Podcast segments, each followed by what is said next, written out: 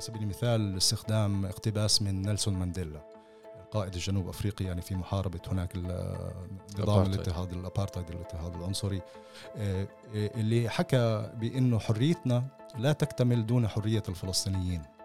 بمعنى إنه إذا في عندك وضع فيه آه، غياب للعدالة في مكان ما معناته هناك غياب للعدالة في كل مكان. فمعنى غياب العدالة في فلسطين هو أيضا غياب العدالة في جنوب أفريقيا في تشيلي وفي أماكن أخرى. هذا اولا.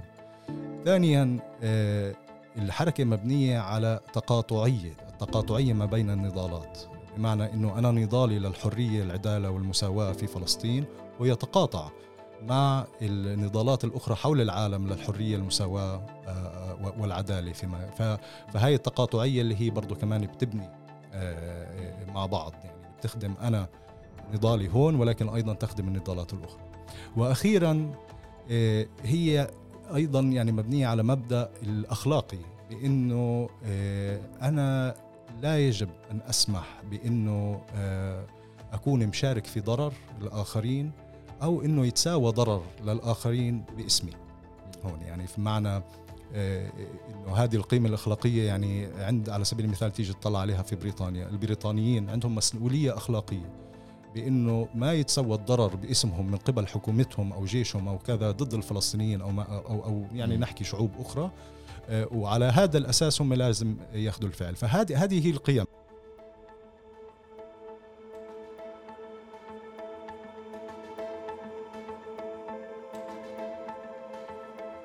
تقريبا ثلاث أشهر على الحرب على غزة. حرب مدمرة بكل معنى الكلمة. مع بداية الحرب شفنا في حملات شعبية يمكن أسميها غير منظمة لمقاطعة منتجات أو شركات اللي أعلنت دعمها بشكل أو بآخر آه، لجيش الاحتلال الإسرائيلي وللجنود وتقديم لهم تسهيلات. فكان في ردة فعل شعبية على مستوى العالم بمقاطعة هذه المنتجات وعملت تأثير قد يكون ملحوظ أو غير ملحوظ لكن آه، موضوع المقاطعة أو مقاطعة شركات بتدعم الاحتلال الإسرائيلي أو موضوع مقاطعة شركات إسرائيلية آه، دائما كان على الأجندة وكان دائما يأخذ فترات نقاش آه، مثيرة للاهتمام وأحيانا يكون أقل. لكن في ظل هاي الحرب نقاش على حملة المقاطعة كبير جدا. والحملة الشعبية آخذة بالاتساع والاستمرار. على هذا الأساس في عنا عدة تساؤلات وراح نناقش آه، مع ضيفنا اليوم ببودكاست الأسبوع آه، في عرب 48 صالح حجازي اللي هو منسق آه، سياسات لمناهضة الأبرتهايد في اللجنة الوطنية لحملة المقاطعة بي دي إس واللي كان يشغل نائب المدير الإقليمي في الشرق الأوسط وشمال أفريقيا في منظمة العفو الدولية أمنستي. مرحبا يا صالح. أهلا طارق. جيتك من رام الله. صحيح. كان الطريق تمام؟ كانت أسهل من ما توقعت يعني. آه. طلعت أسهل من الذهاب للقدس على آه. سبيل المثال. آه. فعلا من رام الله للقدس اصبح الطريق معقد أكثر من رام الله لحيفا. هم آه تقريبا كل الطرق مسكرة يعني. هلأ في عندك منافس واحدة وحيده لكل هاي التجمعات زي رام الله نابلس جنين كذا. الإغلاقات عمالها بتكون شديدة. طيب ممكن نتطرق للإغلاقات في مرحلة بالحلقة. طيب تعال كان نعمل مدخل سريع صالح. مين هي حركة المقاطعة وسحب الاستثمارات وفرض العقوبات بي دي إس؟ بإيجاز.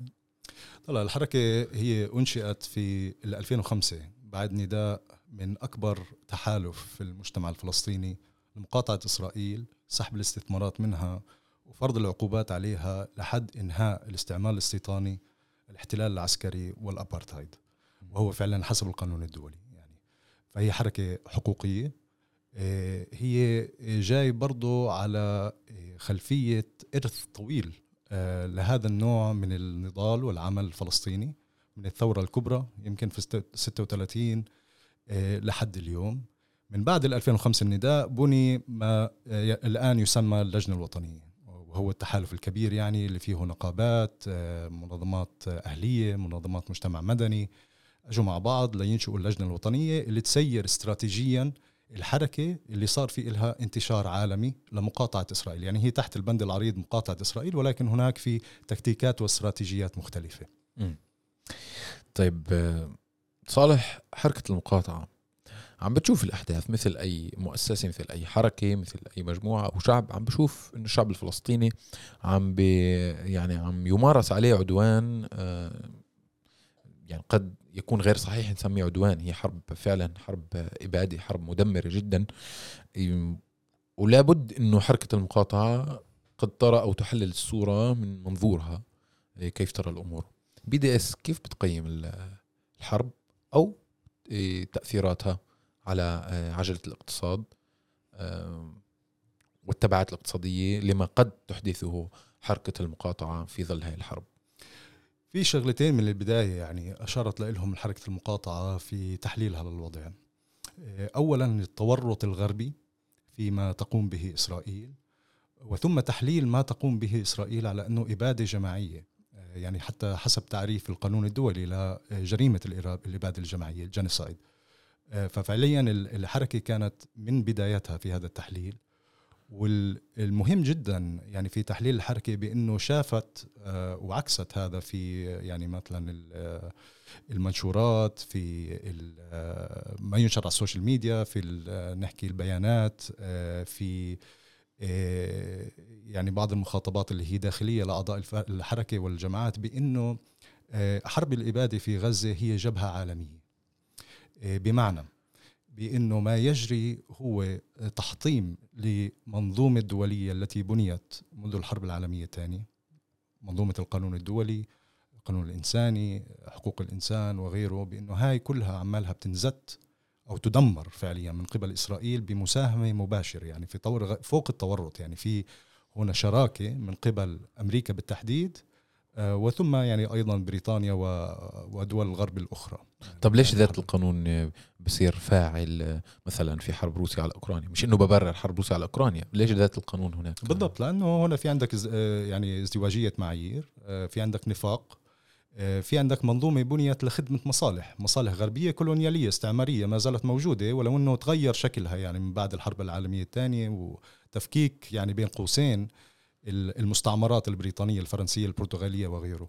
ولكن المصالح بقيت. يعني مصالح فعليا لفائدة آه، هدول الدول وهدول الشعوب فقط على حساب الشعوب الأخرى. آه، برضو من منظور عنصري آه، لأنه الآخرين لا يستحقون يعني لا يستحقون دول لا يستحقون قانون لا يستحقون يعني أنه يكون في مساواة بينهم وبين الآخرين. ولكن كان في زي نحكي هيك فساد يعني اللي هو القانون الدولي.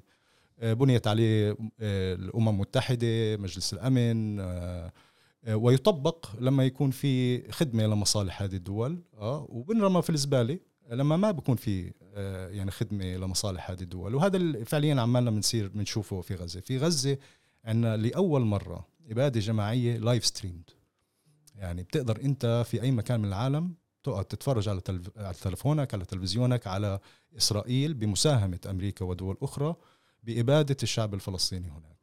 فهذا فيه تدمير لهذه البنية. وهون إحنا بنحكي في حركة المقاطعة بإنه هاي جبهة عالمية. ليش؟ لأنه آه، إذا نجحت الإبادة في غزة معناته آه، الشعوب الأخرى الموجودة حول العالم اللي واقفة في طريق المصالح الكولونيالية الاستعمارية الغربية أو حتى حركات تحرر حركات عدالة مجتمعية. إيه، إذا وقفت في طريق هذه المصالح فهي فعليا سيعامل ستعامل بنفس طريقة الفلسطينيين. فعليا بالإبادة بالعنف. فهنا في عندنا منظومة دولية مبنية على في الإنجليزي might makes right يعني القوة هي الصح فقط. ليس القانون وليس أي شيء آخر يعني فعليا بنظم المجتمعات بين بعض. فلذلك يعني الحركة بتقول بأنه ما يجري في غزة وليش الناس مش بس طبعا إحنا عم نطالب بتضامن ولكن هنا في مصالح للشعوب اللي بدها تتحرر آه، في إنها توقف الإبادة في غزة. حركة المقاطعة كمان يعني هي يعني بتعمل سياسيا واحتجاجيا وبحق الالغام يعني هي تمارس يعني من ناحية تستعين بالمنظومة اللي صنعت ما بعد الحرب العالمية الثانية منظومة القيم أو القوانين أو المؤسسات اللي من شأنها تشرف على تطبيق آه، القوانين وحقوق الإنسان وإلى آخره. ومن ناحية أخرى آه، تحاول أن تعريها.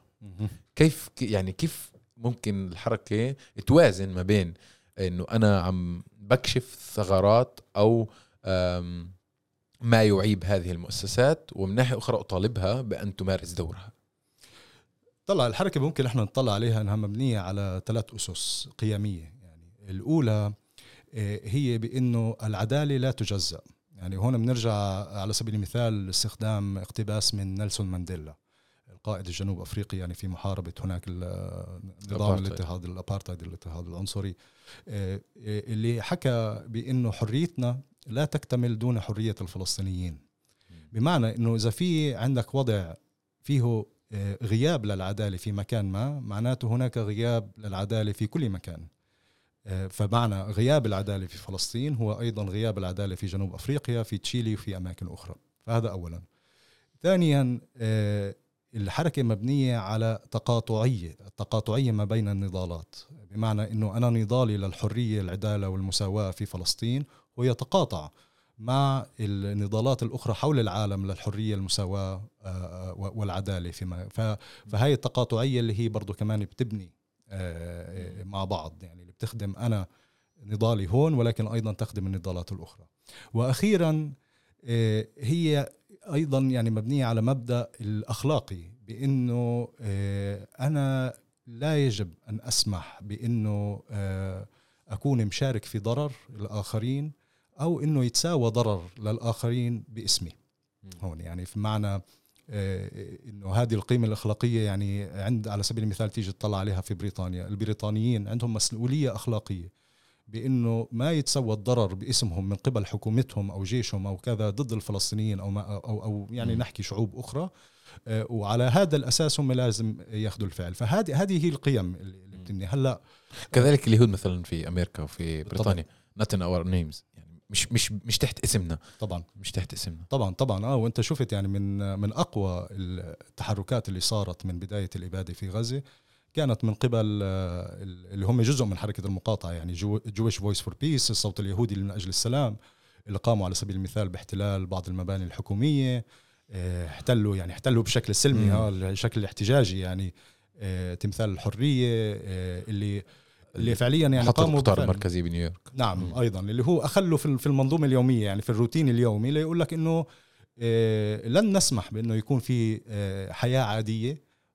طول ما هناك آه، إبادة في مكان ما في في العالم هنا طبعا الإبادة في في غزة يعني. وعلى هذه المجموعات التعويل؟ آه، طبعا. يعني هنا لأنك أنت بتاخذ هذا الفعل بتطلع عليه آه، بخرج فقط عن إطار التضامن. يعني طبعا التضامن مهم. الخروج في مسيرات إعلاء الصوت آه، إظهار وكشف يعني الحقيقة لما يجري آه، برضو إرسال يعني رسالة للفلسطينيين بأنه إحنا معكم سامعينكم شايفينكم. كذا هذا مهم. ولكن لما آه، بتبلش هذه المظاهرات أو هاي الأفعال تخل بالروتين اليومي. يعني أنت على سبيل المثال ما تسمح للقطار بأنه يمشي بوقته. ما تسمح للسناتور الأمريكي بأنه يوصل لمكتبه. ما تسمح لشركة بإنها تفتح أبوابها للعمل. آه، هنا أنت بتبلش تخل. آه، بتبلش إنك آه، توصل رسالة أبعد من فقط تضامن هنا بإنه أنا لن أسمح بإنه تكون الحياة عادية عندي هون طالما هناك في إبادة وجريمة ضد الإنسانية في مكان ما يعني مثل غزة. طب فعل المقاطعة. يعني حكينا حركة BDS مقاطعة فرض عقوبات سحب استثمارات. تعال نبلش مع المقاطعة. مقاطعة الفرد مثلا. كان في عندنا هيك نقاش أو اختلاف قبل ما نسجل الحلقة إنه فعل المقاطعة هل هو active ولا passive إنه أنا ما بشتري ما بتعامل بقطع علاقتي وإلى آخره. قديش هو اكتف قديش هذا الفعل آه، مؤثر وقوي؟ هو بالطبع اكتف آه، يعني لأنه تيجي تفكر فيها فعل المقاطعة آه، هو فعل عقابي.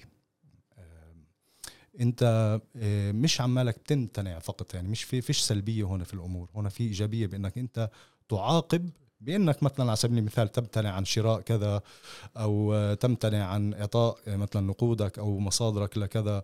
يعني في هنا في عقاب وفي عزل أيضا آه، في إقصاء آه، لإشي خطأ. لإشي أخلاقيا خطأ لإشي يمس بالقيم الإنسانية يمس بالعدالة يمس بالمساواة وكذا. ف وكمان مرة بنرجع هون لأنه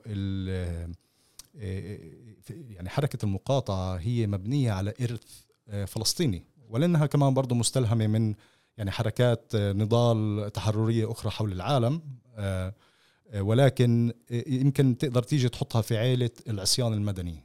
في عيلة الإضراب على سبيل المثال. الإضراب أو مثلا الامتناع عن دفع الضرائب على سبيل المثال هو مش فعل باسيف هو بالعكس هو فعل يعني بضر في مصلحة ما اللي هو عم بضر في فعليا يعني مصلحتك نفسك يعني. هنا في هاي الحالة يعني بنتهك في حقوقك وكذا. وهو بالأساس كمان برضه فعل جماعي. يعني طبعا يعني إحنا بنحكي هون على المستوى الفلسطيني بإنه المقاطعة يجب أن تكون أسلوب حياة. يعني أنا طالما تحت استعمار وتحت احتلال فأنا المفروض يكون جزء من كينونتي بإنه إيش ما بسوي في حياتي اليومية ما بساهم فيها في الظلم اللي هو واقع علي. يعني هذا إشي غير منطقي. فلازم يكون جزء من حياتي اليومية. ف ف الفرد نفسه هذا بينه وبين حاله ولكن عشان يسوي تأثير يعني عشان يكون في تأثير إن كان على هنا في هاي الحالة الاستعمار أو على شركة معينة مساهمة في الاستعمار لازم يكون جماعي. آه بإنه إحنا نبلش نبني حملات يكون في عندنا استراتيجيات لهي الحملات اللي نقدر فعليا آه نعمل برضو أمثلة من شركات يعني بإنها مثلا على سبيل المثال خسرت اقتصاديا أو خسرت سمعتها. فأنت بتحث بقى الشركات اللي بتفكر إنه ممكن تتعامل مع آه، آه، شركات إسرائيلية أو مستوطنات إنه ما تأخذ هاي الخطوة لإنه راح يعود عليها بالضرر بالضرورة. طبعا طبعا. يعني خذ على سبيل المثال. وبأثر في نماذج هيك صارت إنه آه خلينا نحكي يعني مثلا من من النجاحات اللي تحققت مؤخرا يعني آه، حملة آه، من حركة المقاطعة ضد شركة بوما للألبسة الرياضية قائمة من سنة 2018 بسبب تورط شركة بوما في الجرائم الإسرائيلية من خلال دعمها على سبيل المثال للأندية الإسرائيلية بما فيها الأندية الموجودة في في المستوطنات الأندية الرياضية. فقامت الحملة لمقاطعة بوما. وهذه السنة يعني وفي خلال حرب الإبادة على هي غزة حرب حرب إسرائيل الإبادة على غزة آه، آه، أعلنت بوما بأنها أنهت تعاقدها آه، مع الفرق الإسرائيلية. هلأ النتيجة هون هو ممكن جزء منها اقتصادي. يعني على سبيل المثال قبل بأسبوع أو أسبوعين من إعلان شركة بوما قامت أحد أكبر المتاجر في إيرلندا للألبسة الرياضية اسمها أونيل بالإعلان إنها آه، مش رح آه، يكون عندها يعني تمنع فعليا بيع بوما في متاجرها. يعني تخيل متجر كتير كبير في إيرلندا باخذ هذا الموقف الأخلاقي المبدئي يعني. آه هذا ممكن يكون فيه بعد اقتصادي ضرر اقتصادي لشركة بوما. آه ولكن آه أيضا هنا في آه ضرر من ناحية السمعة. يعني هنا ليس فقط الفلسطينيين اللي عم بيحكوا إنه بوما آه، هون عمالها بتقوم في دور غير أخلاقي. هنا برضو أيضا في شركات أخرى شركات ملابس وكذا. هلأ آه، آه، هذا اللي حركة المقاطعة بتستثمر فيه بإنه يكون نموذج لشركات أخرى. يعني على سبيل المثال اديداس نايك اللي هو يعني من ما كانت من الشركات. منها تيجي تطلع إذا أنا بدي آجي أعمل رعاية آه للفرق الإسرائيلية آه أنا شايفة إيش صار في بوما. قامت عليها حملة انفتحت بلش في متاجر في الغرب وغيره. في أندية اللي على سبيل المثال يعني آه الفريق الجزائري لكرة القدم كان راح يتعاقد مع مع بوما. وبعدين بطل. آه، تعاقده مع بوما. آه، راح لشركة لشركة آه، ثانية. هلا طبعا هنا كان في ضغط. يعني لما حركة المقاطعة عرفت عن العقد يعني اللي كان راح يكون ما بين الجزائر يعني فريق كرة القدم الجزائري وشركة بوما راسلت وكذا وكذا. وبالآخر يعني آه، الجزائر قررت بإنها ما تمشي مع بوما. طبعا الشركات الأخرى راح تطلع على هذا النموذج وتقول أوكي أنا يمكن إذا بروح هون بعمل مثلا رعاية لفريق إسرائيلي راح أخسر واحد اثنين ثلاثة أربعة خمسة. طيب لحد هاللحظة حكينا عن المقاطعة وعن سحب استثمارات يعني شركة إنها ما تستثمر في فرق رياضة أو في شركة إنها ما تبني مصانع أو تعمل علاقات مع شركات إسرائيلية هذا بنحط تحت إطار سحب الاستثمارات. لكن فرض العقوبات هنا النموذج الثالث من أو المركب الثالث من حملة ال BDS فرض العقوبات هنا بتدخل يعني بتتدخل القوى آه، اللي هي بتدير أو جزء أو مركب كبير من منظومة المال العالمية. فرض عقوبات يعني بتخيلش دولة نائية أو فقيرة أو ما عندها قدرات تقدر تفرض عقوبات على آه، مثلا دولة إسرائيل أو دولة صغيرة تفرض عقوبات على أمريكا. ممكن تفرض عقوبات بشكل شكلي يعني إنه تمنع دبلوماسيين يكونوا موجودين عندها وكذا. أما تعطي تأثير بشكل واضح مش شايف أمريكا تفرض عقوبات على إسرائيل ومش شايف الاتحاد الأوروبي يفرض عقوبات على إسرائيل. هذا بجيبنا للسؤال آه، القوى الأقطاب تبعت العالم. في كثير حديث عم بدور بآخر فترة حتى قبل الحرب على غزة من بداية الحرب على روسيا أوكرانيا. إنه في عالم عم بتحول لثنائي القطبي في شيء بيقول إنه بالعكس كان ثنائي قطبي عم بتتجه إلى أحادية القطب. لكن أنا بدي أفترض إنه في شرق وفي غرب وإنه في جنوب وفي شمال وإنه مركز الثقل بالما بعد الحرب العالمية الثانية الاقتصادي وعجلة الاقتصاد كانت بالغرب. وشوي شوي عم نشوف إنه لا الشرق بما فيها الصين آه، روسيا والى آخره عم بتكون قوة متصاعدة وقد تكون عم بتفوت القوة الغربية اقتصاديا وهذا ما يقلق أمريكا أصلا. في ظل هذا التشكل لشكل الثنائي القطبي بالعالم قديش حركة المقاطعة قادرة إنها آه، تستجلب واحد من هاي الأقطاب أو إنه تخلي مصالحها آه، يعني متقاطعة مع أحد القطبين لفرض العقوبات على إسرائيل من آه، اللي فيه بالتالي قادرة على إنه يحقق هذا القطب أو ذاك. مكاسب من فرض العقوبات وكذلك تحقيق العدالة للشعب الفلسطيني. هون بنرجع ل يعني فكرة التقاطعية. آه، وصحيح يعني انت بتقدر تشوف على السنوات الماضية الأخيرة بأنه بلشت تصير في تكتلات إقليمية دولية آه، جديدة زي على سبيل المثال يعني BRICS هي من آه، من أفضل الأمثلة اللي هي برازيل روسيا India South Africa China and South Africa هذا التجمع اللي هو بدأ كتجمع اقتصادي فعليا كبديل أو لا محاولة تحدي الهيمنة الغربية على الاقتصاد العالمي والمال العالمي. آه، ولكن تحول يعني في السنة الأخيرة برضه لأنه يأخذ أبعاد سياسية آه، خصوصا من بعد الحرب في أوكرانيا لأنه ظهرت ازدواجية المعايير آه، ظهر أو تكشف أكثر يعني تكشفت أكثر ازدواجية المعايير والنفاق آه، وكان من الواضح بأنه هاي المنظومة العالمية اللي فرضت من قبل الغرب آه، مش عمالها بتشتغل لمصالح الآخرين يعني. آه، وهنا في عندك دول كبيرة يعني الاقتصاد نامي زي الصين الهند والبرازيل. في اجتماع هذه المجموعة الدول الأخيرة يعني توسعت أيضا فضموا مجموعة دول أخرى. برضو كمان مش اقتصادات كبيرة ونامية فاللي هي أعطاها برضو كمان أيضا طابع سياسي. هلا آه، هدول الدول عمالها بتتجمع مع بعض لأنه المنظومة اللي فرضت من قبل الاستعمار الغربي مش عمالها بتشتغل لها مش عمالها بتكون عادلة لها هي نفسها هاي المنظومة اللي مش عمالها بتكون عادلة لنا إحنا فلسطينيين أيضا.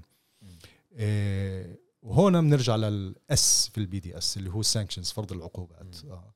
آه وصحيح يعني إذا بدك تفكر في ال B ال boycott المقاطعة إنها ممكن بتحاكي الأفراد والشعوب والمجموعات على مستوى الشارع والمجتمع المدني. الدي سحب الاستثمارات بتحاكي على سبيل المثال الشركات الشركات يعني الخاصة.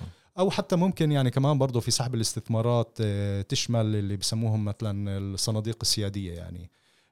مثلا من أهم نجاحات حركة المقاطعة كان بأنه أحد الصناديق السيادية لدولة النرويج سحبت استثماراتها من من إسرائيل آه، قبل سنوات. يعني هذا الصندوق هو آه، يعني قيمته في بلايين الدولارات يعني وكانت استثماراته في مئات الملايين يعني الموجودة هون وقام بسحبها. آه، فممكن أنت بتحكي عن هدول الكينونات يعني الاقتصادية. بس لما بتيجي للاس فرض العقوبات هي بالضرورة بدها تيجي من دول أو مجموعة دول مع بعض. وهنا بدك آه، العمل هو على كيف إنه القوة المبنية من الناس ال people power يعني نقول الحركات الشعبية الاحتجاج حركات المقاطعة حملات المقاطعة ممكن تترجم لتغيير في السياسات سياسات الدول تجاه يعني إسرائيل والاستعمار آه، والأبارتايد وغيره. وهو يعني هذا بده ياخذ مدى طويل يعني في العمل ولكن بدأنا نشوف التحول. بلشنا نشوف التحول باعتراف رسمي من قبل مجموعة من الدول على مستوى على سبيل المثال وزارات الخارجية أو على مستوى البرلمانات بالاعتراف بإسرائيل على أنها دولة أبارتايد هذه بداية يعني. في الأسبوع الماضي كان في خبر يعني برضو حركة المقاطعة كان في لها دور فيه. بأنه ماليزيا حكومة ماليزيا أعلنت بأنها لن تسمح للسفن الإسرائيلية أو المتجهة لإسرائيل بأنها تستخدم الموانئ فيها. هذا نوع من العقوبات. يعني اللي بنتأمل برضو نشوف يعني دول أخرى برضو بتاخده. نوع من أيضا فرض العقوبات اللي بنطالب فيه وبتشوف في له ترجمة يعني يمكن بجوز مش على مستوى الدولة والسياسات وإنما يعني من قبل على سبيل المثال النقابات اللي هو حظر توريد الأسلحة والتجارة بالأسلحة والمعدات معدات الأمنية يعني بما فيها سيرفيلنس وغيره مع إسرائيل. فبتشوف آه، مثلا من النقابات اللي تعمل في الموانئ في آه، أوروبا في إيرلندا في بلجيكا وغيره اللي هي المناطق اللي ممكن فيها آه، يكون في توقف لا نقل الأسلحة لهناك اللي هو القرار بأنه إحنا لن نتعامل يعني مع أي توريد لأسلحة أي سفن عمالها بتحمل أسلحة لإسرائيل لأنها تستخدم في الإبادة ضد الفلسطينيين. هذا بداية اللي ممكن فعليا يترجم يعني وسمعنا لأول مرة في خلال فترة الحرب الإبادة هاي الشهر الماضي بشهر 11 على ما أظن آه، آه، وزيرة بلجيكية آه، تطالب بفرض العقوبات على إسرائيل. هذا الأول مرة بيطلع من من أوروبا يعني هنا بتحكي الحيز الغربي في الاتحاد الأوروبي نعم. بلشنا نشوف بلديات أيضا وهذا الشغلة جدا مهمة يعني بلدية برشلونة بلدية برشلونة على سبيل المثال نعم. آه، في قطع العلاقات آه، يعني مع, تل مع إسرائيل وتل أبيب. آه، يعني طبعا كان في قرار وتم التراجع عنه وتم إعادة يعني تم إعادته كمان مرة. ولكن يعني من من عملنا إحنا بنشوف بلدية أخرى يعني دبلن في ايرلندا اللي هي كمان أخذت قرار بإنها تكون خالية من الأبارتايد الإسرائيلي بمعنى إنها هي تتعهد بإنه أي عطاء أو آه، أي عقد يعني له علاقة في البلدية في البناء في كذا آه، آه، لن يكون مع أي شركات إسرائيلية أو شركات متورطة في الجرائم الإسرائيلية ضد الشعب الفلسطيني. فهذا هدول أنواع من العقوبات اللي هي ممكن بتبلش يعني من النقابة بتطلع للبلدية ممكن تكون قرار في البرلمان آه، لأنها تطلع على مستوى سياسي حكومية زي ما شفنا على سبيل المثال في آه، في في ماليزيا. البداية هون آه، هي الاعتراف بإسرائيل على إنها دولة أبارتهايد. ليش؟ لأنه أنت في هذه الحالة أقريت بإنه هذا الوضع غير طبيعي الأبارتهايد غير طبيعي غير مقبول. لا اخلاقيا ولا ولا يعني مسموح فيه طبعا قانونيا هو جريمة ضد الإنسانية. لذلك في أنا فور ما أنا أعترف بأن هناك في وضع في جريمة ضد الإنسانية. يعني عمالها ترتكب في مكان فأنا عندي مسؤولية أخلاقية أولا نعم ولكن عندي مسؤولية قانونية بإني على الأقل ما أساهم آه، في هذه الجريمة التي ترتكب. وهنا طبعا إحنا عندنا هلأ في حال هو كمان برضو جريمة الإبادة الجماعية يعني. طيب بدي أسأل إنه هاي التكتلات اللي بلشنا نحكي عنها بسؤال فرض العقوبات. التكتلات اللي مجموعة دول مجموعة اقتصادات مع بعض اللي عم بتحاول تشكل قطب آخر مقابل آه، قطب غربي من المال. هذا القطب بالذات أو إسرائيل كحالي هي صنعت علاقات شبكة علاقات حتى مع هذا القطب اللي ممكن نسميه الجنوب أو الشرق. يعني عملت شبكة علاقات مع روسيا كثير قوية. عسكرية اقتصادية وإلى آخره. عملت مع الصين عملت مع الهند عملت مع دول أمريكا اللاتينية. بعتهن أسلحة بعتهن أجهزة تجسس وعملت علاقات مع دول عربية ومش بس علاقات تطبيع علاقات تحالف تحالف أمني وعسكري وسياسي واقتصادي. في ظل هاي الحالة يعني اللي عملتها إسرائيل شكلت حالة خاصة من إنه أنا الحمل الوديع اللي أنا بصدر تكنولوجيا وسلاح وخبرات للعالم. فبالتالي أنا بعيد عن أو عندي اكتفاء ذاتي كفاية اللي يخليني أشعر بالأمان اللي ولا أي قطب ولا أي تكتل قادر إنه يتكتل ضدي. فقديش سؤالي بيجيبني قديش شعوب هاي الدول شعوب هاي الدول قادرة إنها تعمل تأثير بحركة الاحتجاج تبعها بالقطبين؟ إذا بنحكي على غرب وشرق اذا بنحكي على شمال وجنوب.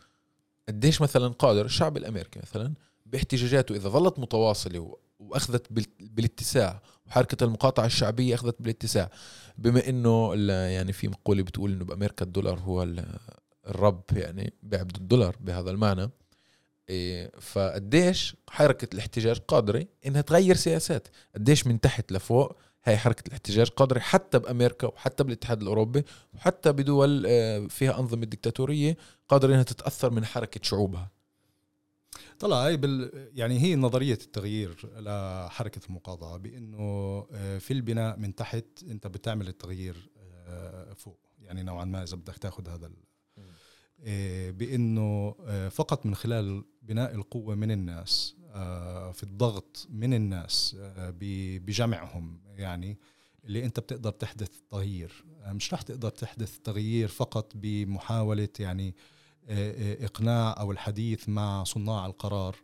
اللي هم شايفين آه، مصالح الدول يعني في الغرب هنا المصالح الاستعمارية هي فوق كل شيء أو آه، مصالح مثلا شركات صناعة الأسلحة وشركات اللي هي عادة بتكون ضالعة في الحرب. طبعا مش رح يصير في تغيير لأن هذه السياسات موجودة وهي تبقى يعني والسياسيين عادة موجودين لا يعني للحفاظ على آه، هذه المصالح. ولكن الناس آه، في الضغط في البناء آه، على فترة طويلة آه، في النظر بكيف بإنه وهذه كمان مرة بنرجع لهذا لهذا المفهوم هي التقاطعية. يعني على سبيل المثال خذ أفريقيا كقارة هي أكبر سوق للاسلحه الإسرائيلية بما فيها مثلا أسلحة التجسس وغيره.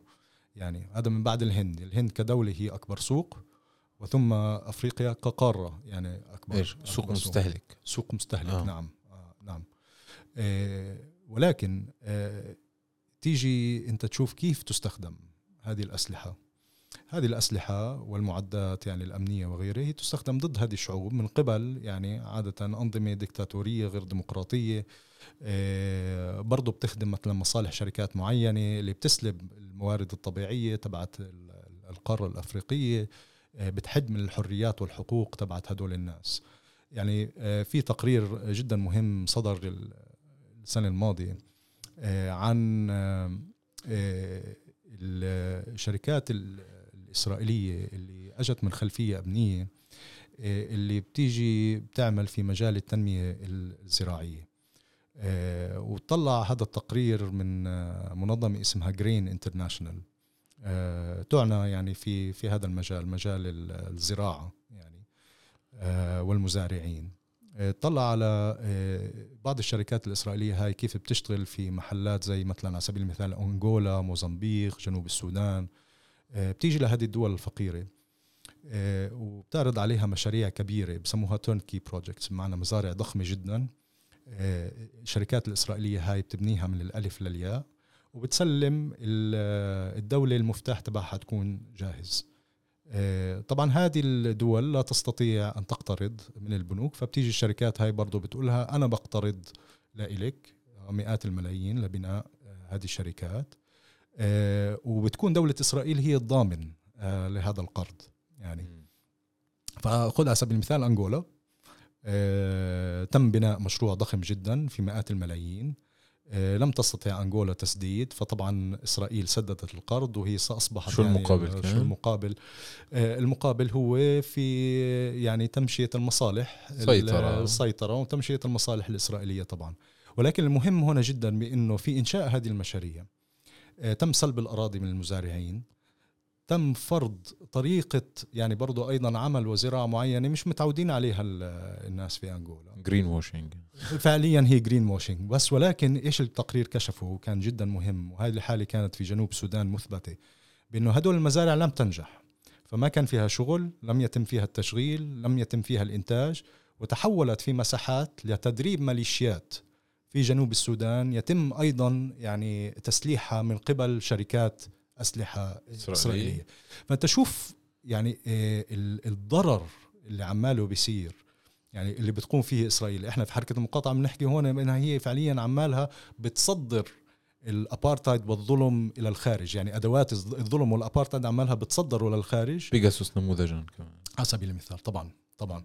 فهنا آه، العمل هو على اولا آه، طبعا رفع الوعي عن هذه الأمور. يعني في أنغولا على سبيل المثال كان في مجموعة من النشطاء اللي بلشت تنظم ضد الشركة الإسرائيلية اللي عملت هذه المزرعة بدون أي علاقة مع الفلسطينيين. يعني بدون حتى معرفة عند هدول المزارعين. هم كانوا مجموعة من المزارعين والنشطاء عن ما يجري في في فلسطين يعني على الاقل ما يجري يعني بشكل يعني تفصيلي. آه، ولكن لما سوينا الربط معهم آه، بلش هنا في يصير في تناغم هنا في تقاطعية يعني ما بين ما يجري من آه، إبادة واضطهاد عنصري في فلسطين وما يجري في أنغولا في هذيك المنطقة من ناحية سلب أراضي نعم نعم. فهذا اللي هو بالآخر يمكن هذا بعزز الإدعاء تبع حركة المقاطعة إنه أنا إذا بفرض أو إذا بعمل حملة ضد إسرائيل آه، أنا مش بالضرورة معادلة الساميه يعني في في مجموعات أخرى وفي آه، شعوب أخرى عم بتقاطع شركات إسرائيلية أو بتحاربها مش من منطلقات عرقية ولا من منطلقات سياسية يمكن بس منطلق اقتصادي أو بيئي إنه آه، طبعا. فمشكلة فمساله الأبارتهايد اللي عم بتحاول تحكي لي إياته أنت إنه بي دي إس عم بحاول يصدر مشكلتها للعالم بإنه هذا هذه المنظومة قد تلقي بظلالها السلبية على باقي الشعوب. طبعا يعني بدي أعطيك مثال تاني في جنوب أفريقيا. آه، السنة الماضية آه، قامت شركة إسرائيلية آه، اللي هي الشركة المالكة لكوكا كولا هنا CBC في شراء يعني أسهم أغلبية يعني في في في أكبر شركات إنتاج الألبان ومنتجات يعني غذائية أخرى جنوب في جنوب أفريقيا. نعم. بالفترة ما قبل إنهاء هذه هذا العقد هذه الصفقة يعني في الشراء آه، قامت الشركة الجنوب أفريقية عشان تقلل من سعرها يعني عشان تجعل نفسها يعني كمان برضه يعني آه، قابلة للشراء من قبل يعني تكيف نفسها مع العرض الموجود هنا بتسريح آه، عدد كبير من العمال. طبعا النقابة هناك بلشت تنظم حالها ضد اللي عماله بيصير.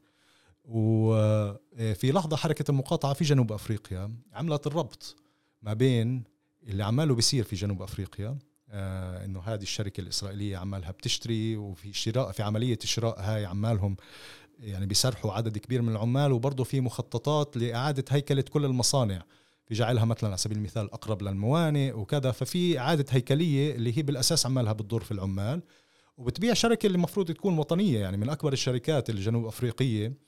لإنتاج الألبان اللي بتصدر في أماكن أخرى في جنوب أفريقيا لا هنا هنا شركة إسرائيلية. آه، شركة إسرائيلية أيضا كمان آه، في إلها آه، افرعها واستثماراتها في المناطق الصناعية الاستيطانية بالتحديد العطروت اللي بجانب حاجز قلنديا. فلما حركة المقاطعة بلشت تتحرك في هذا المجال تواصلت مع نقابة العمال اللي عمالها بتنشط ضد اللي عماله بيصير في في مصنع كلوفر هو شركة اسمها كلوفر آه ومباشرة صار الربط. فبتشوف كيف العمال نفسهم آه آه بلشوا يشوفوا العلاقة ما بين العمال الاضطهاد والظلم اللي عمالهم هم بمروا فيه والاضطهاد والظلم الموجود في فلسطين. فيعني أنا آه، في كنت في زيارة وحكيت مع آه، واحد من النشطاء النقابيين هناك بيقول لي آه، تتخيلش قديش نسبة الوعي عن فلسطين ارتفعت عند عائلات هدول العمال. فلما صاروا على التلفزيون يشوفوا على سبيل المثال في إيش عماله بيصير في الضفة الغربية أو في غزة وهناك كان في في هذاك الوقت إذا بتذكر في 2021 كان في عدوان على غزة وفي 2022 كمان برضه أيضا كان في عدوان على غزة اللي يعني آه، صارت جزء من الأخبار اللي اللي تشوفها ولو على الأقل يعني فترة قصيرة. فلما صاروا عائلات بقول لي يعني أنا زوجتي وابني آه، لما آه، صاروا يتفرجوا على التلفزيون يشوفوا غزة صاروا يربطوا صاروا يعرفوا إنه هذا في إشي يعني هنا يعني بمسنا إحنا شخصيا يعني. ويحركهم يعني من أجل هذا وأعطاهم يعني دفعة برضه للعمال. آه، هلأ للأسف هو ال ال ال الإضراب والحركة العمالية اللي صارت ما ما نجحت يعني بالكامل هناك ولكن انبنى إشي انبنى إشي اللي ممكن برضه كمان يعني يتوسع. طيب صالح هيك بنقطتين بعد بدنا نحكي عنهن آخر نقطة تكون إسرائيل وكيف عم بتشوف كل هاي الحالة وشعورها بالعزلة؟ قديش قديش بأثر عليها. بس خلينا نوصل للآخر له قبلها فيما لو حركة الاحتجاج كانت كبيرة جدا. أو وصلت لحققت نتائج وبلشت تبين الأسهم بالبورصة الأمريكية عم تنزل بهيك سيناريو. بما أنه إسرائيل نموذجها نموذج استعمار استيطاني مش مثل باقي نماذج الاستعمار اللي في دولة أم بعثت آه، آه، جيوش سيطرت وحكمت موارد وحكمت شعوب ولاحقا أنهت استعمارها بالقوة بالنضال آه، وانسحبت. في إرث استعماري طبعا هذا مش مختلفين عليه إنه في شركات بعدها عم بتقوم بالدور الاستعماري. لكن إسرائيل كنموذج دولة استعمار استيطاني مش بس نظام فصل عنصري يعني هذا ما يميز أو ما يضيف ميزة للحالة الفلسطينية اللي ما يختلف عن بعض الشيء عن جنوب أفريقيا. في نقاط تقاطع واختلاف بس سؤالي هو فيما لو هاي الحملة تصاعدت هذا نموذج من الاستعمار اللي في عنده إيجو اللي في عنده إنه لآخر نفس أنا موجود لأني أنا هون موجود لأنه ما عنديش محل ثاني هي بلدي هي أرضي هي ربي كتب لي إياها وهون شعب. فقديش قديش المسألة الاحتجاج والمقاطعة بتوصلنا لباب مسدود الأفق. يعني شو الحالة اللي بتشوف فيها ال BDS إنه والله بينجو انجزت. يعني وصلت للإنجاز اللي بدي اياه هلا طلع بضرورة إنه تشوف حركة المقاطعة ك يعني جزء من يعني حالة نضالية جدا أوسع يعني على المستوى الفلسطيني أو المستوى العالمي. فهي بتتكامل مع أشكال النضال الأخرى. آه اللي هي بتركز عليه هي موضوع المساهمة والتورط. يعني فرفع التكلفة. لإسرائيل بالأساس آه، في إنها تبقى آه، يعني منظومة استعمار استيطاني ابارتايد تقوم بالإبادة أو رفع التكلفة على الشركات المؤسسات المنظمات الدول الأخرى في مساندتها أو دعمها لإسرائيل. فقديش إحنا بنقدر نرفع التكلفة؟ قديش رح يقل يعني فعليا وبتضعف أنت هذه المنظومة. هلا نهاية هذه المنظومة بالضرورة يكون إشي جدا أوسع من فقط يعني حركة المقاطعة. هذا يرتبط ب يعني رؤية واستراتيجية للتحرر الوطني آه، اللي بالضرورة تكون فلسطينية يعني بالأساس واللي تعطي نظرة وتصور لكيف راح يكون آه، يعني المستقبل وكيف بدنا نوصل لهذا المستقبل بما فيها على سبيل المثال العدالة الانتقالية. يعني في جرائم ارتكبت يجب أن يكون في محاسبة عليها كمان. أيضا هدول المجرمين إن كان اللي بي يعني اللي بيقوموا على الابارتايد أو الإبادة الجماعية فهذا جزء أيضا من من شيء أوسع. ولكن رفع التكلفة آه، هو التكتيك آه، واللي هو عماله بزبط. يعني مع برضه كمان القمع اللي عماله بصير إحنا ما حكينا في هذه الحلقة عن اللي عماله بصير حول العالم للحد من حركة المقاطعة تجريمها على سبيل المثال في بعض الولايات في أمريكا ألمانيا بريطانيا وغيره. مع هذه المحدوديات يعني أنت عم بتشوف هذه الحركة عمالها بتتوسع عم بتشوف إنه التكلفة الشركات والمؤسسات يعني كمان برضه في بعد اللي هو الثقافي أنت بتشوف كيف آه، الفنانين الممثلين الموسيقيين وغيره آه، كمان يعني حركة المقاطعة الثقافية والأكاديمية هي هي جزء أساسي حتى فعليا سبقت يعني ال BDS ال PACBI Palestinian Academic Cultural Boycott هي سبقت في 2004 تم إنشائها يعني. ف آه، آه، فهذا نزع الشرعية. وهذا هون البعد السياسي يعني. في عندك أنت تأثير اقتصادي في عندك برضه أيضا تأثير ثقافي. آه، وهذا اللي بيجيبنا لسؤال إسرائيل والعزلة الشعور بالعزلة. نعم. هو البعد السياسي من حملة المقاطعة. مقاطعة الأكاديمية مقاطعة الاقتصاد مقاطعة العلاقات آه على مستوى الدول والمؤسسات إسرائيل تنظر لهالموضوع قد في أحيانا وصف بأحد التقارير الإسرائيلية أنه خطر وجودي أنه شو يعني الوصول إلى حالة العزلة الدولية يعني هذا آه بأسوأ أحلام المشروع الصهيوني شو الأبعاد السياسية تبعت حملة المقاطعة؟ هو فعليا صحيح يعني يعني نتنياهو ووزراء آخرين يعني صنفوا حركة المقاطعة لأنها خطر استراتيجي ثاني من بعد الخطر اللي هم بسموه الخطر النووي الإيراني يعني.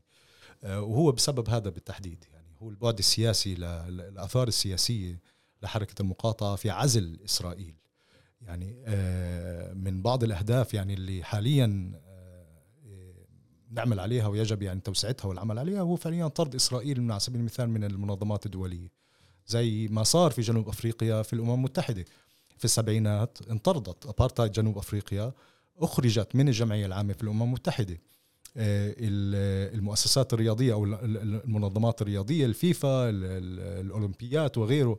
يعني لا يجب أن يكون هناك مكان لدولة استعمار استيطاني وابارتايد في هذه المنظمات. إذا هاي المنظمات فعليا تحترم نفسها يعني هذا الشغلة. ما هو يا إما مش رح تسمح لهذه الأنظمة زي ما سوت في أماكن أخرى بأنها تكون موجودة أو إحنا في حاجة لبديل وهنا بنيجي لشيء أبعد. ممكن في هذه اللحظة اللي فعلا جدا سوداوية وجدا داميه وجدا مؤلمة يعني وتكلفتها جدا عالية بس إنها فضحت هذه المنظومة. وفي فضح هذه المنظومة آه، فتحت برضو أيضا آفاق بأنه إحنا نيجي نفكر هل إحنا في حاجة لمنظمات بديلة؟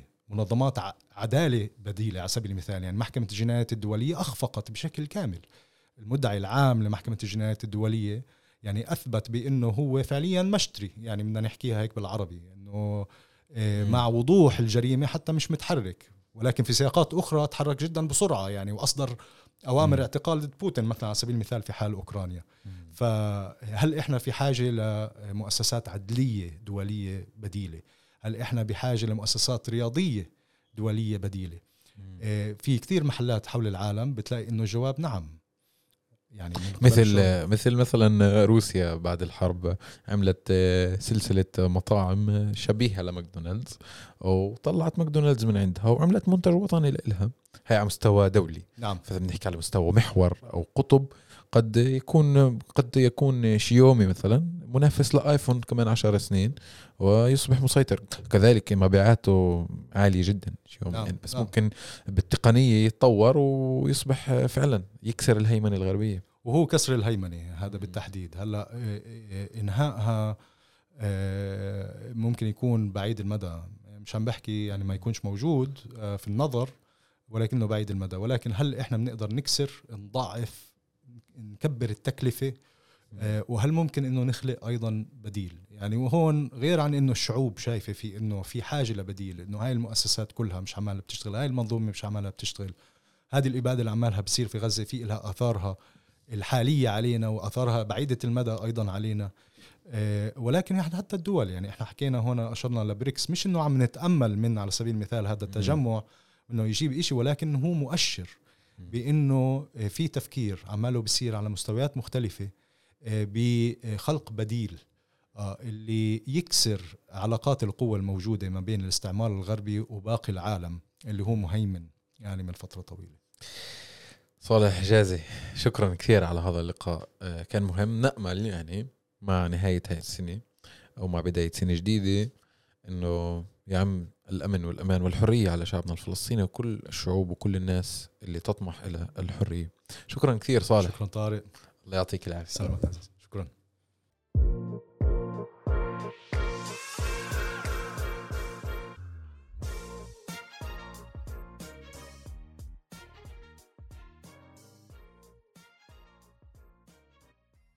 طيب أعزائنا المستمعين هيك بنكون وصلنا لنهاية حلقتنا من بودكاست الأسبوع في عرب 48 بدي أطلب منكم طلب اللي لسه ما عملناش متابعة على منصات البودكاست المختلفة Spotify Google Podcast Apple Podcast تنسوش تعملوا لنا متابعة. اسا اعملوا لنا متابعة كثير بيساعدنا. تنسوش تبعثوا لنا مقترحاتكم وملاحظاتكم على الحلقات السابقة وعلى مقترحات لحلقات قادمة. وللاسبوع القادم لقاء آخر. يعطيكم العافية.